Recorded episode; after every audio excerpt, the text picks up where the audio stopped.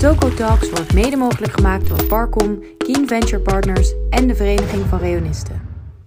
Hoi, leuk dat je kijkt naar de eerste aflevering van Toco Talks. Vandaag Mark Kaptein. Mark, dankjewel dat je er bent. Ja, leuk om te zijn. We hadden het er net al even over. Jij praat heel veel over corona de laatste paar eh, maanden. Ja, klopt. Ja. Is het nog wel leuk? Eh, Vind je het, eh, of komt het inmiddels helemaal je neus uit? Ja, je zou denken dat het telkens hetzelfde verhaal is, maar dat is niet zo. Want eigenlijk elke week gebeurt er wel wat. Er komen nieuwe vaccins, er komen nieuwe data komen binnen. Dus ja, en ehm, continu zit ik wel ergens, of het nou Jinek is, of op één, of Goedemorgen Nederland. Uh, nou, volgende week zit ik weer bij M. Dus ja, zo gaat het maar door. Dus je wordt wel steeds skilder uh, in, uh, in ieder geval tele op televisie interviews doen en zo. Jawel, maar dat heb ik echt wel een tijdje geleden ben ik er al mee gestart. Ik ben al voor de zomer van 2020 heb ik mijn eerste interviews gedaan op Mhm. televisie. En langzaam maar zeker groeide er dan wel in. Ja, dus het Ja. wordt al steeds makkelijker. Heb je een tip? Nou, een heleboel eigenlijk. Ja, waar we beginnen. Dat is echt, eh, nee, dat gaat echt over dat je vooral ontspannen moet blijven. Dat je niet, moet, niet gaat... Hè, heel veel mensen gaan zich dan preppen, gaan mediatraining doen... en die gaan dan exacte zinnen Mhm. uit hun hoofd leren. Nou, dat werkt niet. Nee. Als je dat gaat doen, dan ben je gewoon niet interessant voor, voor media. Wat ze graag willen is iemand die gaat zitten... en die een verhaal vertelt in korte en krachtige zinnen... die hopelijk ook nog een, eh, als een one-liner op social kunnen worden gebruikt. En als je zo praat, dan eh, kom je heel eind. Die weet waar het over heeft eigenlijk. eh. Nou, nu wel een beetje. Ja, nu ja. Durf wel te zeggen dat ik, over- dat ik weet waar ik het over Ja. heb als het over corona Gelukkig gaat. maar, gelukkig maar voor ons in ieder geval. Eh, wat dacht je toen je hier binnenliep? Nou ja, ik ben hier niet... dit was niet mijn toko. Mijn Mhm. toko zat aan de Raamgracht. Veel mooier, als ik eerlijk ben. Ja? Ja, ja, ja, dat is een historisch pand. Dat is natuurlijk echt eh, Ja. prachtig. Een oude schuilkerk, nee, zonder toch? gekkigheid. Ik, het is direct wel weer dat ik denk van ja, het voelt ook wel weer goed. Op haard aan, biertje erbij, net een biertje gedronken. Ja. het is heel gezellig. Ja. Ja. En eh, waarom heb jij toen tijd besloten om lid te worden? Nou, dat was eigenlijk niet zo'n heel erg bewust besluit. Eh, mijn zus die ging studeren. Mhm. Eh, wij, ik kom niet uit een eh, corporaal of studentico's Nest. gezin. Nee, helemaal niet. En mijn zus ging studeren in Utrecht en die is lid geworden. En zij vertelde, dat is hartstikke leuk, moet je ook maar doen. Nou, toen dacht ik van, nou, dan doe ik dat dan ook maar. Dus Ja. ik ben gewoon lid geworden zonder dat ik echt goed wist waar ik aan begon. Want je gaf al aan, je komt uit Twente. En dat je misschien de enige van je hele school was die dus eh, lid ging worden bij het AC. Ja, ja dat klopt. Echt Ja. van een jaargang van eh, 300 eh, jeugdigen was ik denk ik de enige die lid werd in Hoe- Amsterdam. Hoe Ja. kies je dan voor een dispuut? Nou, dat gaat twee kanten op natuurlijk. En dat weet Ja, je ook. Die ja, nou. waren toen ook al zo. Ja. Dus het is eh, nou, bewust, eigenlijk het onderbewust, niet zozeer rationeel. Mijn dochter, die, eh, ik vertelde het net ook, die, is 18 en die kent al disputen. Die is nog niet eens gaan studeren, maar die weet al wat, waar ze eventueel naartoe zou willen. Nou, had ik helemaal niet. En ik ging gewoon rond en ik, eh, de sfeer, dat, dat was het belangrijkste. Ja. Want, want waarom heb je dan voor het dispuut gekozen waar je bij zit? Nou, in de, in de voorvleugrondes was wel heel leuk. Er zaten een paar kerels en die konden eh, a cappella, konden ze meer tonig, konden ze, waar ze aan het zingen. Ik dacht hé, dat is wel heel cool. Als je gewoon echt, dat, is echt en dat ging over eh, gewoon edelwijs. dat- Ja. En dan maar dan meerdere stemmen tegelijkertijd. En het waren gewoon een paar leuke gesprekken. En dat, dat, die heb ik toen, eh Vesta heb ik toen hoog gezet. En nou, die, die liefde bleek wederzijds. Dus nou ja, zo kom je dan bij Vesta terecht. Ja. En, en wat voor een dispuut was Vesta toen? Nou, Van oudsher is Vesta natuurlijk uit, komt uit een katholiek nest. Mhm. En ook wel behoorlijk eh, gericht op Brabant. Veel oud-leden komen uit Brabant. En het was toen de tijd nog steeds wel zo. Een beetje een overgangsperiode. We hadden Mhm. net een paar jaar gehad, eigenlijk een jaar gehad dat klein was. En toen kwam Vesta 88 en wij waren met z'n elfen. En het was eigenlijk ook een, eh, een mix van van alles. Er zaten een paar Brabo's zaten ertussen, maar ik kom uit Twente, zat daartussen. Iemand uit Noord-Holland.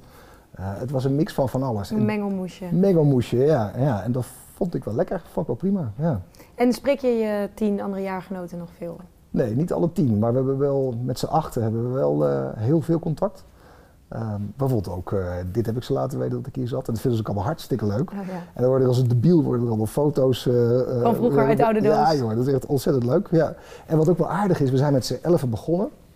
En we, dat, dat liep echt ontzettend uiteen. Van iemand die, die min of meer in de alternatieve party scene zat. Tot iemand die alleen maar kon, platte grappen kon maken en, Oh, ja. en, en van auto's hield. Dus dat, en dat in het begin moest echt wel een beetje die, die balans gevonden worden binnen die groep. Mhm. En dat, dat leuke is dat dat eigenlijk langzamerhand steeds beter gaat. En dat we ons niet konden voorstellen toen de tijd dat we nu elke vijf jaar met elkaar op vakantie gaan. We Oh, steeds, jullie eh, gaan echt op vakantie? ja, dus, eh, ja, ja, ja, we zijn net twee jaar geleden waren we in Mallorca. Mallorca. We hebben een grote boot gehuurd, een huppetee, Leuk. rondgemaakt. Eh, daarvoor zijn we naar Zuid-Frankrijk, naar onze, ehm, eh, onze een oud, oud, oud bestuurslid van, van Vesta. Nou ja, zo ga je maar door. We hebben echt eh, allemaal van die reisjes hebben we inmiddels eh, gedaan. Met Hoor je elkaar. niet heel vaak dat mensen nog Is dat zo? Ja, zo Ja. contact hebben met hun Nee, jaargenoten. en elk jaar gaan we ook nog eh, een soort kerstdiner, wat dan in januari plaatsvindt. Omdat we altijd, december is altijd veel te druk. Ja, ja. Dus, ja, en we gaan echtgenoten gewoon ook mee. Nou, dat is heel leuk. En als je nu terugkijkt op je tijd vroeger hier Mhm. bij Vesta, wat is een, een verhaal wat je aan je kinderen hebt verteld? Of een anekdote die vaker terugkomt bij, aan de eettafel? Nou, er zijn er eigenlijk wel een paar hoor. Dat is niet eentje, dat zijn er wel meerdere. En je studententijd is überhaupt een tijd waarin je, waarin je gevormd wordt. Hè. Dat Ja. weet je nu nog niet, maar het is wel zo. Gekneed. Ge- nou, niet gekneed, want je wordt maar gevormd wordt, door, met name ook door mensen om je heen. Eh, kneden is vaak wanneer je, wanneer, een, wanneer je bij een bedrijf gaat werken. Mhm. En dan word je gekneed en dan word je, dat is wat anders. Maar hier word je gevormd en je wordt gevormd door de mensen om je heen. En een paar dingen die ik eh, leuk vond, is dat Vesta toen de tijd. Ehm, we zaten in een, eh, we woonden in een, eh, in een pand op de Prinsgracht. Dubbeltje kwartje, 1025. Dat is nog steeds, volgens mij. Ja, Mhm. maar dat is nu van ons, omdat we toen de tijd, in 1992, hebben dat kunnen aankopen. En dat hebben we toen aangekocht voor, geloof ik, geloof echt waar, Ja. voor 400.000 gulden. Dus dat is Op de 100 Prinsengracht. ja, 180.000 euro, een heel pand. Wauw. Ja, dus dat soort, en dat hebben we toen ook voor elkaar gekregen, omdat we met z'n allen zeiden van, oké jongens, dit is een buitenkans. Die verhuurder die wilde er vanaf, kun je je niet meer voorstellen, maar toen de tijd was het echt van, we waren blij dat ze er vanaf waren. En die, eh, wij konden toen, ook voor ons was dat veel geld. Maar met z'n allen hebben we toen echt alle acties en geld opgehaald en weet je, van alles en nog wat. En uiteindelijk hebben we dat eh, voor elkaar gekregen. Wauw. Dus dan leg je wel de basis voor Vesta wat het nu is. Mhm. Ja, zonder zo'n dispuutshuis wordt het wel echt een stuk moeilijker. Ja, je zou ook niet nu zo 1, 2, 3 met je dispuut kunnen gaan werken om een huis te gaan betalen ergens eh, Nee, hè? in Nee. het centrum van Amsterdam. Dat Nee, gewoon nu exact. niet meer mogelijk. Ja, Ja. Dus fijn dat jullie dat gedaan hebben in ieder geval. Ja, niet dat we dan nou elk jaar voor bedankt worden hoor. Dus dat, Nee. eh, ik wil alle Vesta wel eens even... eh, waar zijn jullie? Ja, ja. Ik heb nog steeds een obligatie. Hè. Dat hebben ook, je, kocht, je kocht dan een obligatie. Verjaart dat niet? Ja, weet je natuurlijk. Maar eigenlijk wat ze zouden moeten doen is gewoon een groot feest voor al Diner die voor- obligatiehouders. Tuurlijk, ik wil nooit dat geld weer terug hebben. Dat geloof ik allemaal wel. Maar een keer mooi afscheid nemen van je obligatie op een chique manier. Ja. Dat zou wel cool zijn. Maar een groot feest, dat is nu niet mogelijk. Nee, nee, nee, nee daar, daar werken wij weer heel hard Ja, aan. ja, Dus- ja, ja. Want u bent medisch directeur van Pfizer. Ik denk dat heel veel mensen weten dat Pfizer een van de vaccinontwikkelaars is. En misschien kenden veel mensen Pfizer nog niet voor corona. Wat, wat doen jullie precies als Pfizer? Eh, wij zijn ehm, een geneesmiddelenontwikkelaar. Dus wij, wij zitten puur op de innovatie. Wij ontwikkelen alleen maar nieuwe geneesmiddelen die patent eh, beschermd zijn. En dat doen we op allerlei gebieden. Dat doen we op het, eh, bijvoorbeeld op het gebied van kanker, maar dat doen we ook op het gebied van eh, zeldzame ziekten. En daar, ja, dat zijn, is vaak complex onderzoek, eh, wat ook behoorlijk risicovol is. Maar van de andere kant betekent het wel dat als je dan succesvol bent, dat je ook echt een impact kunt hebben. Een impact op mensen met een zeldzame ziekte, of zoals nu, ja, bijna op bijna iedereen in de wereld met een coronavaccin. Mhm. Dus het is wel een, eh, het is een hele mooie bedrijfstak om in te werken. ja. ja. Want medisch directeur, je hebt wel geneeskunde gestudeerd. Waarom wilde je geen arts worden? Nou, dat wilde ik ook heel erg graag. Ik was echt van overtuigd dat ik arts wilde worden. En ik heb daar ook met volle overtuiging ben ik eh, geneeskunde gaan studeren. Ehm, ik heb het eigenlijk nog wel, wel redelijk rap tempo heb ik het eh, ook nog afgerond. Was dat de acht jaar waar we het net over hadden? ja, maar dat was toen, nog, dat was toen snel hoor, Oké. kan ik je vertellen. Ja. dus ik, ik, heb het, ik heb mijn studie in vijf jaar afgerond, Mhm. tot ik een jaar wachttijd om aan mijn kooschappen te beginnen. En toen nog twee jaar kooschappen, dus dan zit je op acht jaar. Ja. Dus dat is, nou, eigenlijk eh, toen de tijd was dat eh, Keurig. prima, Ja. keurig. Ehm, maar goed, toen begon ik aan mijn artsassistentschappen. Dan heb je eigenlijk je eerste betaalde baan. Dan ben je, ben je, ehm, eh, dan ben je bezig om te kijken of je in een opleiding kunt komen. En toen kwam ik erachter dat ik elke dag naar dat ziekenhuis, elke dag naar de polykliniek en patiënten zien, dat ik dat al heel snel routineus vond. Mhm. En dat had ik helemaal niet verwacht. Ik dacht van, het is elke dag spannend, elke dag nieuw. En dat, dat was toch niet zo nieuw en zo vernieuwend als ik had gehoopt. En toen dacht ik na een jaar of drie, ben ik eens met, mijn op, met een opleider gaan praten, en Mhm. met mijn professor. En ik zei, joh, ik weet niet of ik dit eh, Wil. wel, wel wil. Hij zei, ah joh, je moet dus lekker op vakantie gaan. En goed nadenken en, dan alles. komt het allemaal goed. Ja. Maar op die vakantie kwam ik een, een vent tegen die nog steeds een vriend is. Die zei van, joh, ik eh, leg jouw cv wel eens bij, bij mij in het bedrijf neer. Dat was Organon, Mhm. een farmaceutisch bedrijf in Nederland. Nou, toen was het echt eh, ja, appeltje eitje. Ze zeiden van, kom maar praten. En eh, was het heel snel geregeld. En vond je het moeilijk om dat achter je te laten dan? Dat, Ja, best wel. Ja, maar je hebt er wel... eh, Heel lang heel veel tijd in gestopt? Nou ja, uit- uiteindelijk alles bij elkaar bijna twaalf jaar in de eh, geneeskunde, kooschappen, artsassistentschappen. Een jaar of twaalf in geïnvesteerd. En dat laat je er wel achter je. Dus een soort rouwproces. Een maand of zes heb ik er wel... Niet dat ik nou terugkijk van ik heb het verkeerde gedaan, helemaal niet. Maar wel bewust afscheid genomen. Ja. Wat, wat mis je dan het meest, denk je? Het is nu alweer een tijdje geleden, Ja, maar... maar dat weet ik precies hoor. Ja. Patiëntencontact. Ik vind patiënten heel erg leuk. Ik, ik vind het ook, eigenlijk zoals ik nu met jou zit te praten, Mhm. zo praat ik ook vroeger met mijn patiënten. Ik probeer het altijd, de, zeg maar de, dat witte jassen gevoel, dat probeer Ja. ik zoveel mogelijk weg te nemen. En dat, dat je gewoon denkt van nou, Een biertje gewoon- gaat drinken met je patiënt. nou, dat biertje met je patiënt, dat was een, een glaasje bisschopswijn na de bevalling. Dat gaven ze nog wel eens. Maar dat, eh, dat, dat- maar, maar dat het wel gewoon, dat, dat je een, een, eh, een, een, een comfortabel gevoel krijgt. Dat je echt het gevoel hebt van nou, ik kan, die, ik kan echt die moeilijke vragen, die durf ik ook te stellen. Mhm. Dus dat eh, vond ik belangrijk en dat vind ik nog steeds belangrijk. Want, want nu als medisch directeur, hoe ziet een dag er dan uit? Een beetje? Ja, dat vraag, hoe heb je het dan over twee jaar Ja, geleden? nou, of, hoe of zou nu? jij aan de, aan de eettafel eh, eh, vertellen wat je doet? Precies. Nou, ik laat ik nou eens gewoon eh, afgelopen maandag, gewoon eens als dag. Ehm nou, s ochtends dan begin ik elke ochtend met een, met een overleg. Dat, dat is meestal om kwart over acht. Dat is het, het COVID-19 overleg. Dus dan hebben we het eerste half uur praten we bij wat staat, wat gebeurt er, wat, Mhm. Wat is Dat er is elke dag? Elke dag, Mhm. ja. Dat gebeurt elke dag. En met wie praten jullie dan? Dus Met, Overheid? ehm, nee, nee, nee, dat is echt intern. Oké. Dus dat, hebben we, ehm, dat doen we dan eerst. Ehm, en dan be- bespreken we gewoon wat is er gepubliceerd, wat, wat gebeurt er, wat gebeurt er met de vaccinatiestrategie, is er politiek nog iets gaande. Nou, dat is het eerste half uur. Nou, dan, afgelopen maandag ben ik daarna in de auto gesprongen naar Hilversum gereden. heb ik een interview gedaan met Sven Kokkelman, één op Mhm. één, op de radio. De beste interviewer van Nederland. Volgens mij is dat wel een van de, ja, in ieder geval een van de, van de scherpste interviewers. Dus hij was heel goed voorbereid en is echt, eh, dus daar, daar moet je je goed op voorbereiden. En Mhm. na zo'n interview ben ik eerlijk gezegd ook best wel moe. Ja. Je gaat in een soort eh, ehm, hyperconcentratiestand. Eh, nou, dat doe je dan. Daarna geluncht, broodje onderweg teruggereden. Om half twee had ik een meeting met RIVM. Dat is de uitvoeringsinstantie voor de vaccinatie. Die kennen we wel, ja. Ja, die ken je. Ehm, en, maar dat, is dan, dat was alleen het medische, eh, medische deel van het RIVM. En nou, dan hebben we het over van alles en nog wat. Over ehm, keuzes die ze maken, over naalden die ze gebruiken, over dingen die fout gaan, over bijwerkingen. Eh, nou, dan, dan, toen heb ik daarna nog wat functioneringsgesprekken gedaan. Dat doe ik ook nog gewoon tussendoor. Mhm.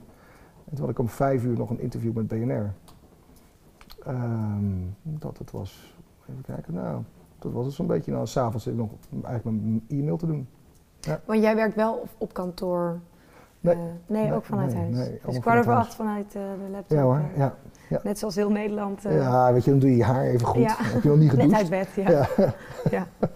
Ehm, iets anders, en misschien een wat minder leuk dingetje in die zin. Maar er is ook wel eens kritiek op de grote farmaceut eigenlijk. En we hebben een paar jaar geleden gehoord van Va- Valiant, Valiant, ik weet Ja. niet. Ehm, met de kritiek dat medicijnen gewoon gigantisch duur werden gemaakt. Terwijl dat eigenlijk helemaal niet nodig wa- was. Ja. Hoe reageren jullie daarop en hoe, hoe kijken jullie daar tegen?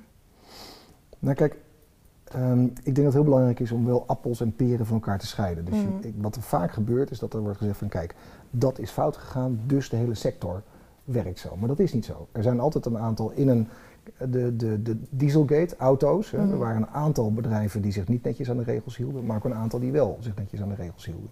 En toch Eén heeft de hele, iedereen wordt over één kam geschoren. En ik denk dat je dat niet moet doen.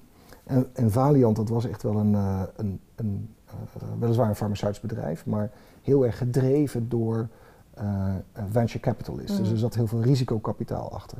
En het was, de bedoeling was dat om, om dat op te bouwen en dan voor veel geld weer te verkopen, dat hele bedrijf. Dat is mislukt. En een van de manieren om snel veel geld te verdienen was door de prijzen van geneesmiddelen te verhogen. Mhm. Ja, weet je, uiteindelijk heeft dat niks te maken met farmaceutische innovatie. Maar dit is, dit is financiële constructies die, eh, die gebruikt werden om eh, veel geld te verdienen. Een ander voorbeeld is uh, Shkreli. die heeft ook toen de tijd, een paar jaar geleden, een bedrijfje opgekocht. wat een geneesmiddel maakte voor patiënten die met name aids hadden. Mhm. En die heeft die, die prijzen met 5000% verhoogd. Maar ook daar, dat heeft niks te maken met farmaceutische innovatie. Nee. Ook dit was weer een. Geld. Ja, dit was een. Ja, precies. Dit was een, een, een trader mhm. die zo'n bedrijf kocht en dacht ik. ik Maximale eruit halen. Precies, ik maximali maar maximaliseer die winst. En dan verkoop ik het weer, veel geld verdient. Ja, ik vind dat echt heel vervelend. Mm Dat heeft niks te maken met innovatie, wat wij aan het doen zijn. Nee. Want ehm, er, de kritiek die wordt gegeven dan op jullie is dat jullie vaccin relatief duur is. Hoe, hoe is dat? Is dat gewoon omdat de productiekosten giga zijn? Of? Nou, er zijn eigenlijk drie groepen. Hè. Je hebt de, allergoedkoopste, dus AstraZeneca, Oxford. Die hebben gezegd van we doen het voor not for profit. En dat kan ook, dat mag ook. Dan heb je een middencategorie. Dat zijn de uh, vaccins die gebruik maken van een bestaande technologie. En dan heb je de duurste. Dat zijn wij, Moderna en CureVac. En dat zijn uh, uh, vaccins die op een compleet nieuw technologisch platform zijn gebouwd. Moet je goed begrijpen dat die eerste, die is echt een outlier. Die andere, die maken winst omdat ze al een technologisch platform hadden. Maar mhm. wij moesten een compleet nieuw technologische technologie ontwikkelen. Daarvan wisten we niet of je überhaupt een vaccin kon maken tegen corona. Ten tweede wisten we niet of ons technologisch platform het, uh, het deed. En ten derde hebben we geen enkele subsidie aangenomen. Dus we mm. hebben alle die 2 miljard die we hebben geïnvesteerd, was echt ja, vanuit van ons. Dus dat moet je dan ook wel weer terug kunnen verdienen. Wat moet ik me voorstellen bij een technologisch platform? Nou, als je vaccins bekijkt, dan heb je, kun je verschillende technieken gebruiken. Je hebt een uh, vaccin wat gebaseerd is op een, uh, een dood of een verzwakt, verzwakt virus. Je hebt mm. een, uh, een vaccin wat gebaseerd is op een virale vector. Daar gebruik je een bestaand virus. Dan haal je eigenlijk alle pathogene receptoren haal je eraf. Die laat je met het stukje genetische code uh, dat je in de cel in wil krijgen. Mhm. En zo'n virus gaat dan de cel in en instrueert de cel dat hij een bepaald eiwit moet maken. En wat wij doen, wij hebben helemaal geen virus meer nodig. We hebben dan eigenlijk een synthetisch virus gemaakt. En dat is best wel een, uh, dat is echt wel heel knap. Dat is mm iets wat, nooit eerder hebben gedaan. Daar ben ik ook echt wel trots op. Ja. En, uh, Dit is nog nooit eerder gedaan? Nou, nog nooit eerder gedaan. Dus we moesten onze onze, de, de, de, risico's waren veel hoger, maar we hadden bijvoorbeeld ook geen fabrieken. Die moesten allemaal, die moesten allemaal opgestart worden. Dus dat, dat hebben we ook nog gedaan in de tussentijd. Dus ja, dan is de prijs, die kan niet hetzelfde zijn als voor bedrijven die al zo'n uh, bestaand uh, platform, platform technologie hadden. Ja. Okay, nee. Is dat duidelijk uitgelegd? Dat is heel duidelijk uitgelegd. Ja? ik had ook in een ander... Best wel complex namelijk. Ja. Dus, ja. Maar ik had in een ander interview uh, van jou gezien dat je het uitlegt als... Je hebt als het ware een spijker en het vaccin komt als een soort hoedje op die spijker of zoiets. Nou, dat is, de, de, dit is niet het vaccin, maar de, de antilichamen die worden aangemaakt door het vaccin. Dat is eigenlijk een soort hoedje. Als je, als je dit het spijkertje hebt, dan mhm. is dat, dat, dat antilichaam die is dan door het dopje wat erop komt. En daardoor kan dat spijkertje niet meer contact maken met de menselijke cel. En als hij geen contact meer kan maken, kan hij ook niet naar binnen. En kan hij zich daar niet uh, repliceren in die cel. Want een virus die kan zelf helemaal niks. Dat is eigenlijk een heel dom ding. Dus je, die heeft die cel nodig, die menselijke cel, om zichzelf in te, te repliceren. Ja. ja. Nou, zo'n uh, AstraZeneca-vaccin, wat je zei van dat is goedkoop, uh, relatief, zit op een andere technologisch platform. Ja. Um, is het dan niet zo dat de grote farmaceuten een maatschappelijke rol moeten innemen nu, in deze tijd, om eigenlijk de wereld een beetje te helpen en tegemoet te komen? Ja, zeker. En wat, wat is jullie positie daarin? Doen we een paar dingen in. Ten eerste het is best wel een complex uh, vaccin. Je moet dat uh, bewaren bij min 70. Daar hebben we een speciale geïsoleerde dozen met um, droogijs ontwikkeld. En die dingen die blijven nu, in die dozen blijven vaccins 30 dagen goed. Dus dat betekent dat je met die hele simpele technologie kun je eigenlijk overal in de wereld kun je vaccins brengen. Mm. Papua Nieuw-Guinea, Zuid-Amerika, zelfs de Sahara, maakt niet uit. Het kan overal naartoe. En dat is al één ding wat we doen. Mhm. Het tweede is dat we samenwerken met COVAX. Dat is een publiek-private samenwerkingsverband. De, zij verzamelen geld en wij bieden uh, zonder winstoogmerk vaccin. En als je die twee samenbrengt, dan kun je heel snel heel veel vaccins beschikbaar maken. Dus we hebben nu de eerste deal, maar dat is nog maar de eerste voor 40 miljoen mhm. eh, vaccins. En binnenkort komen daar nog veel meer bij. En dat gaat dus zonder winstoogmerk. Ja, want ehm, waar we misschien sommige mensen uh, iets wel over hebben gehoord. Er is nu natuurlijk een beetje een discussie aan de, aan de gang dat mensen in derde wereldlanden gewoon over twee jaar pas een vaccin kunnen krijgen. Hoe Ja, kunnen Ik denk we. niet dat dat zo is hoor. Nee? Nee, ik denk dat het echt veel sneller gaat. Eh, je- wat je, wat, we hadden natuurlijk ehm, nooit gedacht dat, er, dat we niet één, maar misschien wel vijf, zes, zeven verschillende vaccins zouden hebben aan het eind Ja. van dit jaar. En allemaal zijn we in nu eh, de grote bedrijven, en dat is ook het mooie aan Big Pharma. Big Pharma kan ook big produceren. Ja, opschalen makkelijk. Ja. Ja. exact. Dus we kunnen, denk ik, aan het eind van dit jaar zitten we al op zo'n ehm 7, 8 miljard doses. Miljard, niet miljoen, miljard doses. En dat is veel meer dan wij nodig hebben alleen al in, de, in Amerika, in China en in Europa. En die extra vaccins die gaan gewoon naar de naar, eh, zich ontwikkelende landen. Mhm. Ja, want eh, het lijkt niet alsof we achter de feiten aan aan het lopen zijn. Totaal niet. Maar je gaf het net al even aan. Eh, een pandemie kan sneller voorkomen of weer opnieuw gaan gebeuren dan we Ja. denken. Ja. Hoe, hoe kijk je daar tegenaan? Wanneer denk je dat we deze pandemie uit zijn of een nieuwe pandemie weer ingaan? Nou, dat weet je nooit van tevoren, maar ik denk wel dat we, dat we eigenlijk het bewustzijn dat er een pandemie kan ontstaan, is eigenlijk wel eh, veel duidelijker geworden door deze coronacrisis.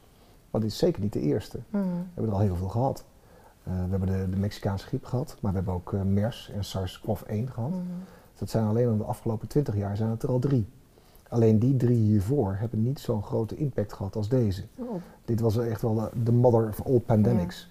En dat maakt het wel ja, heel impactvol. Maar dan gaat er nog weer, er gaan andere pandemieën gaan ook weer ontstaan.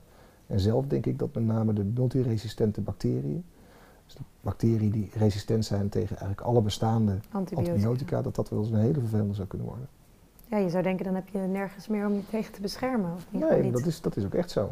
Dus als jij de pech hebt dat je zo'n multiresistente bacterie oploopt, bijvoorbeeld omdat je in een ziekenhuis geopereerd wordt, en dat, is- dan weten we Mhm. van dat dat een, een omgeving is waar veel van dat soort bacteriën voorkomen. En dan kan het dus gewoon, ook voor jou, ook op jouw leeftijd, kan het dodelijk aflopen. Mhm. Ja. En even een hele andere vraag. Ik denk dat veel mensen wel, ik zou het niet, eh, hoe heet het, de corona-gekkies, ik wil ze niet zo noemen. Ik wil maar even kijken of je dit erin laat of niet. Maar ehm, dat er veel in ieder geval negatieve reacties zijn over de, het vaccin, dat werkt helemaal niet. Of, ehm, wat is de raarste theorie die jij hebt gehoord? Nou, ik wil wel eerst een ander, want het is wel echt, gaat wel heel ver hoor. Het is wel, helaas ook dit weekend eh, weer allerlei mensen die hele vervelende dingen over mij roepen persoonlijk. Ehm, dus dat, dat deel ik dan ook wel met mijn bedrijf. Mhm.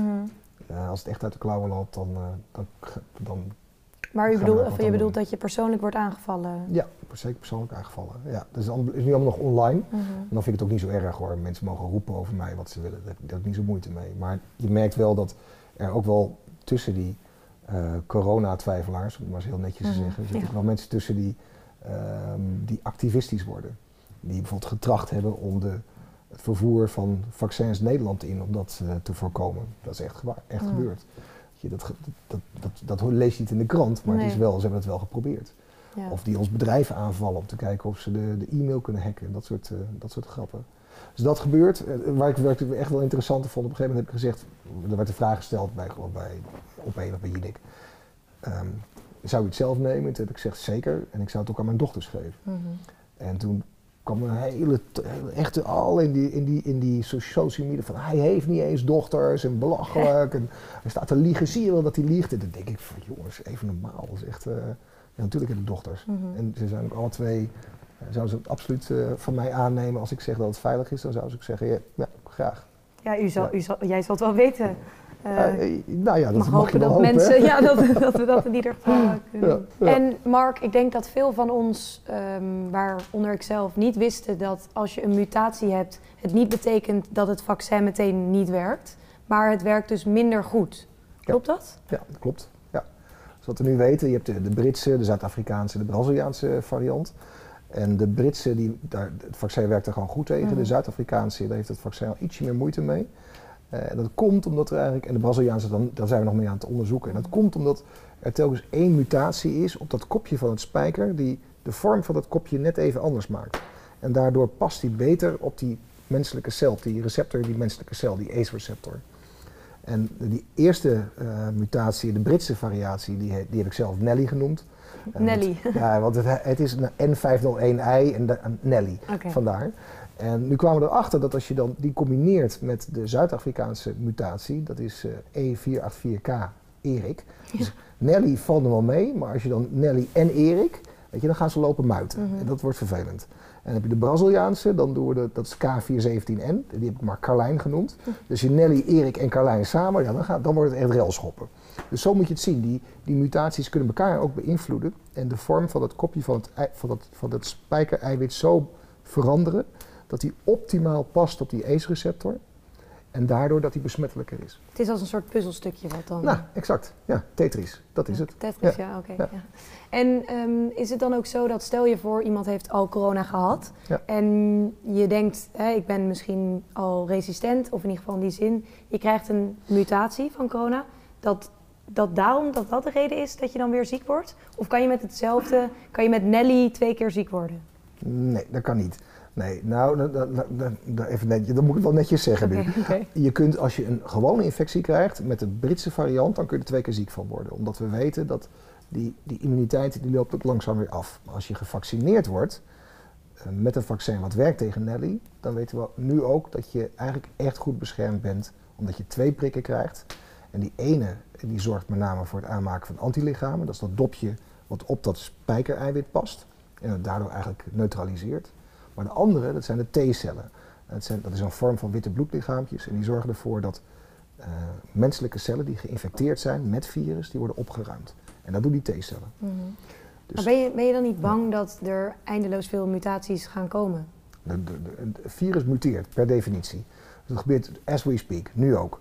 Maar waar het om draait, zijn die mutaties dan ook functioneel? Gaan ze, doen ze ook echt iets waardoor de, de, de functie van het virus verbetert? Mhm. En dat is eigenlijk heel zeldzaam. Maar, en iedereen denkt nu van ja, zeldzaam, eh, Brits, eh, Braziliaans, Zuid-Afrikaans. Ja. Maar dat komt simpelweg omdat er op dit moment zoveel virus rondgaat. En er zoveel gemuteerd wordt. Dat je dus tegen een aantal van dit soort beter functionerende virussen aanloopt. Hm. Food for thought, ja. Ja, Ik ja. vind het moeilijk te begrijpen soms hoor, nog steeds. En iedereen heeft er een mening over en iedereen is opeens Ja. corona-expert. Ja. Maar ik zit nu wel tegenover een van de, denk ik, grotere experts van Nederland. Nou, wat ik probeer, ik probeer het altijd simpel, eh, simpel te, te, te onder woorden te brengen. Want het heeft niet zo heel veel zin om jou te vertellen dat 4, eh, E484K, dat je nu Erik hebt genoemd, Ja. dan denk je van, oh ja, dat heb ik al eens eerder van Nelly, Erik en Carlijn, dat blijft wel hangen. Ja. En dat zijn die mutaties die ertoe doen in die verschillende varianten. Maar gelukkig hebben we ook een heel werkzaam vaccin. Niet alleen die van Pfizer, maar ook die van Moderna en AstraZeneca en Janssen. Die werken allemaal goed. Dus mocht het nou zo zijn dat een vaccin minder goed werkt, dan is het nog steeds voldoende om bij de meeste mensen eh, in ieder geval ernstige COVID-19 te voorkomen. Mhm. Dus moet je niet wel goed realiseren. Het is niet zo dat dan opeens de effectiviteit helemaal verdwijnt. Dat En- is dus niet zo. Wat je ook net zei, het is dus wel relatief simpel om een vaccin een beetje aan te passen. Het hangt ervan af welk vaccin. Want we hebben het net over die verschillende technologieën Oh ja, gehad. Ja.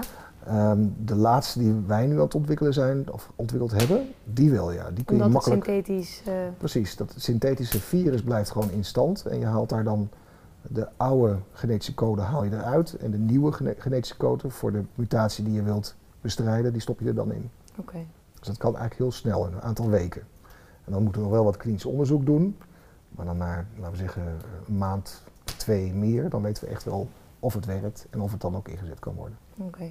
Dus dat valt wel mee. En iets heel anders. Ehm, ons, onze eigen overheid en het vaccinatiebeleid, hoe dat nu... Er is heel veel rumoer natuurlijk omheen en iedereen heeft daar ook een mening over. En wat is jouw mening? Nou, een paar dingen. Eén is denk ik, de overheid gewoon niet, heeft met name niet op tijd de draai gemaakt. Ze hadden echt, echt ingezet op het eh, vaccin van Oxford en AstraZeneca. En op een gegeven moment hebben wij ze ingehaald. En daar waren ze eigenlijk niet goed op voorbereid. Dat hebben ze ook gewoon ruiterlijk toegegeven. Die, die, die draai is, dat heeft echt te lang geduurd. Nou, daar hebben we een, een achterstand mee opgelopen. En die achterstand die is uiteindelijk, in- naar mijn opinie, zo'n drie tot vier weken. Ten opzichte van de andere landen in Europa. Wat in deze tijd natuurlijk best wel veel Heel is. veel is. Ja. En die achterstand gaan we ook niet meer helemaal, Nee. niet meer helemaal inhalen. Want hoeveel mensen kan je vaccineren in drie weken?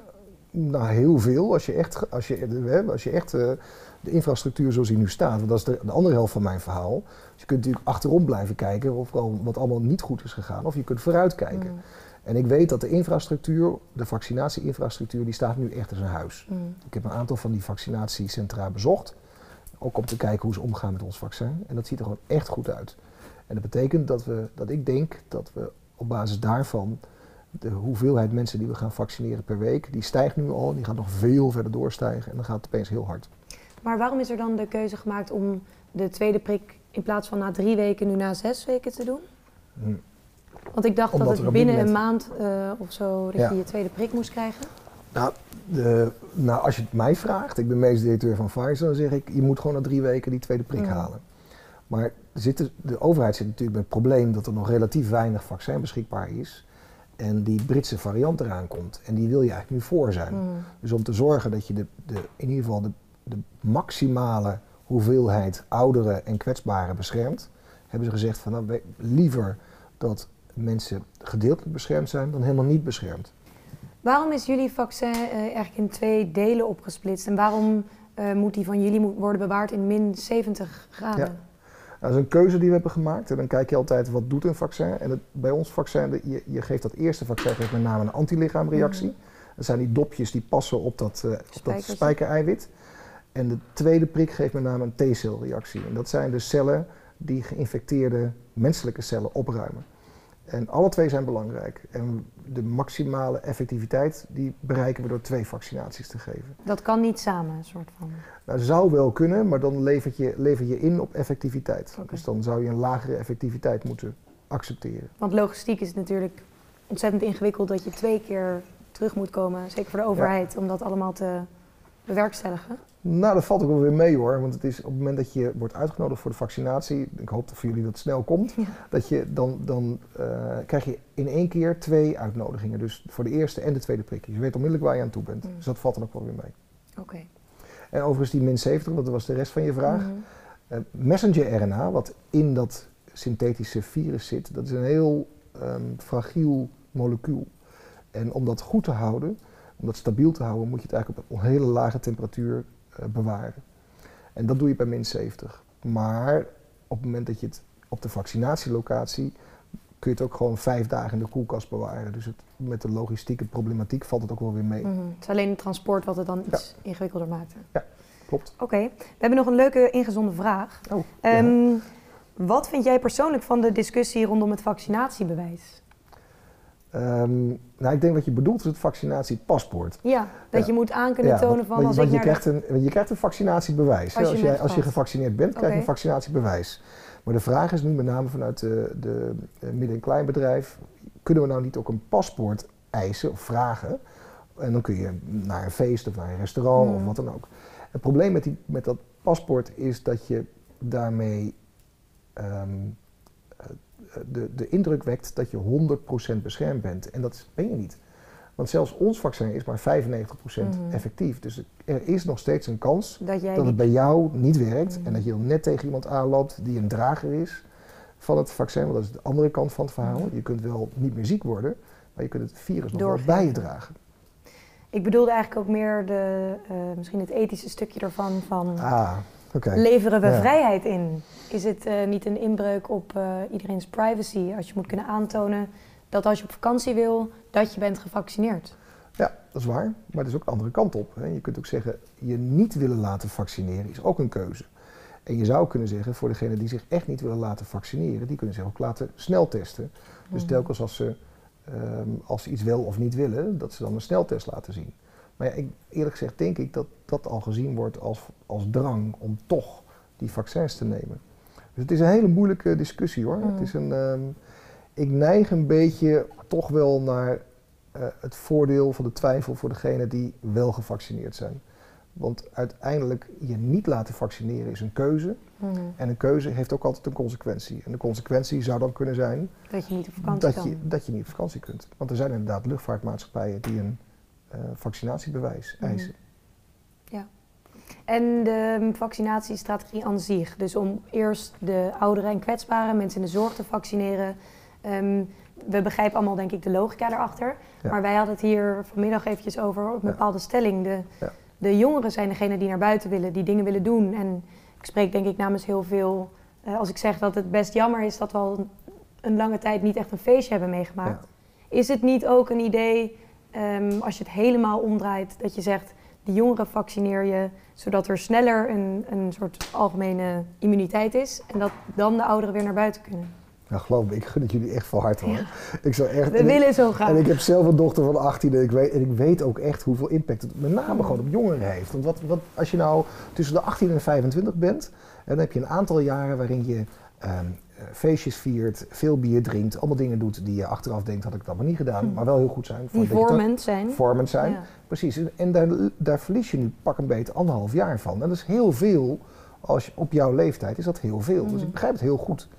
Maar het probleem zit erin dat als je jullie, zeg maar de 18 tot 25-jarigen zou vaccineren, dan hou je die kwetsbare ouderen, en dat, en alleen, dat begint al vanaf 65, hè, dan gaan, al, dan gaan Mhm. mensen echt eh, eh, disproportioneel vaak gaan ze dood. Mhm. En dat zijn jouw opa's en oma's. En zou je dan, jij wordt er niet zo heel erg ziek van, maar zij wel. En vanuit medisch-ethische Ja, overwegingen ik snap hebben het ze ethische gezegd, punt natuurlijk. ja, maar als je kijkt naar op wie heeft het de grootste invloed in het, in het maatschappelijk, dan denk ik dat dat de jongeren zijn. Ja. Het, is, het is angstaanjagend als je nu die depressienummers, eh aantallen ziet. Ja, of het gemiddelde cijfer wat jongeren geven aan Hun hun leven, leven, een 6,4, onvoldoende. vind ik Oh. echt heel, heel matig. Ik ja. heb een ander eh, reportje gelezen waar het Ja. een onvoldoende was. Maar ik denk dat voor heel veel mensen nu eh, het een beetje uitzichtloos lijkt. Weet jij al een beetje wanneer we weer een feestje kunnen hebben? Wanneer kunnen we hier weer staan en borrelen? Nou, ik heb eerder ook twee data genoemd. En de eerste is dat, je, dat het eigenlijk weer min of meer als normaal begint te voelen.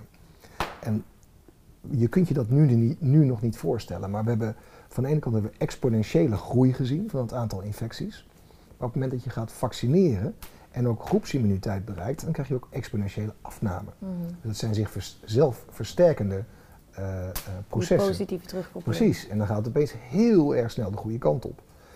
En daarom durf ik het wel aan dat we op basis van het aantal doses wat we in het tweede kwartaal gaan leveren, met niet alleen Pfizer, maar ook AstraZeneca en CureVac en Janssen, dat zijn er 22 miljoen, dat kunnen we dus 11 miljoen mensen kunnen we gaan vaccineren. Dat het eind van het tweede kwartaal, en ik heb dat midzomernacht, 21 Mhm. juni, Ja, de langste dag van het jaar. langste dag van het jaar, dat is denk ik een heel mooi eh, eikpunt en dan kunnen we echt alweer een heleboel doen. Mhm. Dus de toko blijft open deze zomer. Want Deze dan zomer, kunnen we... ja. en zeg maar het begin van, eh, van september, eh, misschien eind september, dan is iedereen gevaccineerd en er is een groepsimmuniteit. En dan kun je weer helemaal los. En denk je ook dat er een grote groep mensen achterblijft die zich per definitie niet wil laten vaccineren? Ehm, nee, ik denk eigenlijk niet. Eh, dat, dat leek het in het begin wel zo te zijn, ook Mhm. zelfs in de zorg. Ja. Maar de, de vaccinatiebereidheid van mensen in de zorg op het moment dat ze goed ingelicht waren, was 95 procent. Dat is heel hoog. Dat is echt heel hoog. En ook zeg maar, bij de, de vaccinatiebereidheid bij degene die het nu krijgen aangeboden is nog steeds 85 procent. Mhm. Dus nee, ik denk dat er uiteindelijk een relatief kleine groep overblijft. Want er waren allemaal roddels over eh, in- vruchtbaarheid en het vaccin, wat voor schade dat zou doen. Dat is allemaal niet waar? Nou, we weten wat het. Hè, de- de- elk geneesmiddel geeft bijwerkingen. Mhm. En die bijwerkingen van het vaccin, die kennen we eigenlijk best wel goed. Het zijn hoofdpijn, een beetje griepsverschijnselen, ehm, spierpijn, plek op de prikplek. Nou, dat weten we. Wat het op de lange termijn doet, waarschijnlijk helemaal niks. Mhm. Omdat een vaccin, dat zit een, een week in je lichaam en daarna verdwijnt het ook weer. Dus het blijft niet voor eeuwig eh, in je lichaam zitten. Dus daar is de kans op bijwerking ook heel klein. Eh, maar je weet het nooit 100% zeker. Bijvoorbeeld de Mexicaanse griepvaccin heeft die narcolepsie gegeven bij een heel beperkt aantal mensen. Nou, daar zijn mensen best wel bang voor. Ja. Maar toch, ik denk dat het, eh, de kans klein is dat dat ook met eh, het coronavaccin of coronavaccins het geval wordt zijn. Oké. Heb jij nog een advies aan ons, jongere eh, leden van onze vereniging? Wat moeten wij nu doen? Dan nog heel even doorbijten. Ja. Het is echt, Er het is bijna licht aan het einde doen. van de Ja, tunnel. het is bijna, ik weet het ook, het is ontzettend zwaar. Maar ik denk dat je, dat je heel eerlijk gezegd, februari, maart moet je gewoon nog even afschrijven. Mhm. Dat wordt niks meer. Dat is gewoon eh, jammer, maar helaas. In, als de zon weer gaat schijnen en eh, je kunt weer naar buiten, dan wordt het leven echt alweer een stuk leuker. Mensen gaan weer lachen. Mensen gaan weer lachen, je kunt in de zon liggen. eh, je, je gaat hier bij Nimo ga je op, op dat grote dakterras Mhm. zitten, op een beetje afstand, biertje erbij. Dat kan dan alweer. En dan mei voelt het alweer redelijk normaal. In juni krijgen we het eerste feestje buiten. Nou, Ja. dan bij deze ben je uitgenodigd 21 juni hier om een biertje te komen drinken. Ik heb er al een paar uitnodigingen staan. Maar ik, ik, ik, ik, ik, doe ze- 22 ik doe ze juni allemaal. Mark, dankjewel. Ja. Nou, graag gedaan.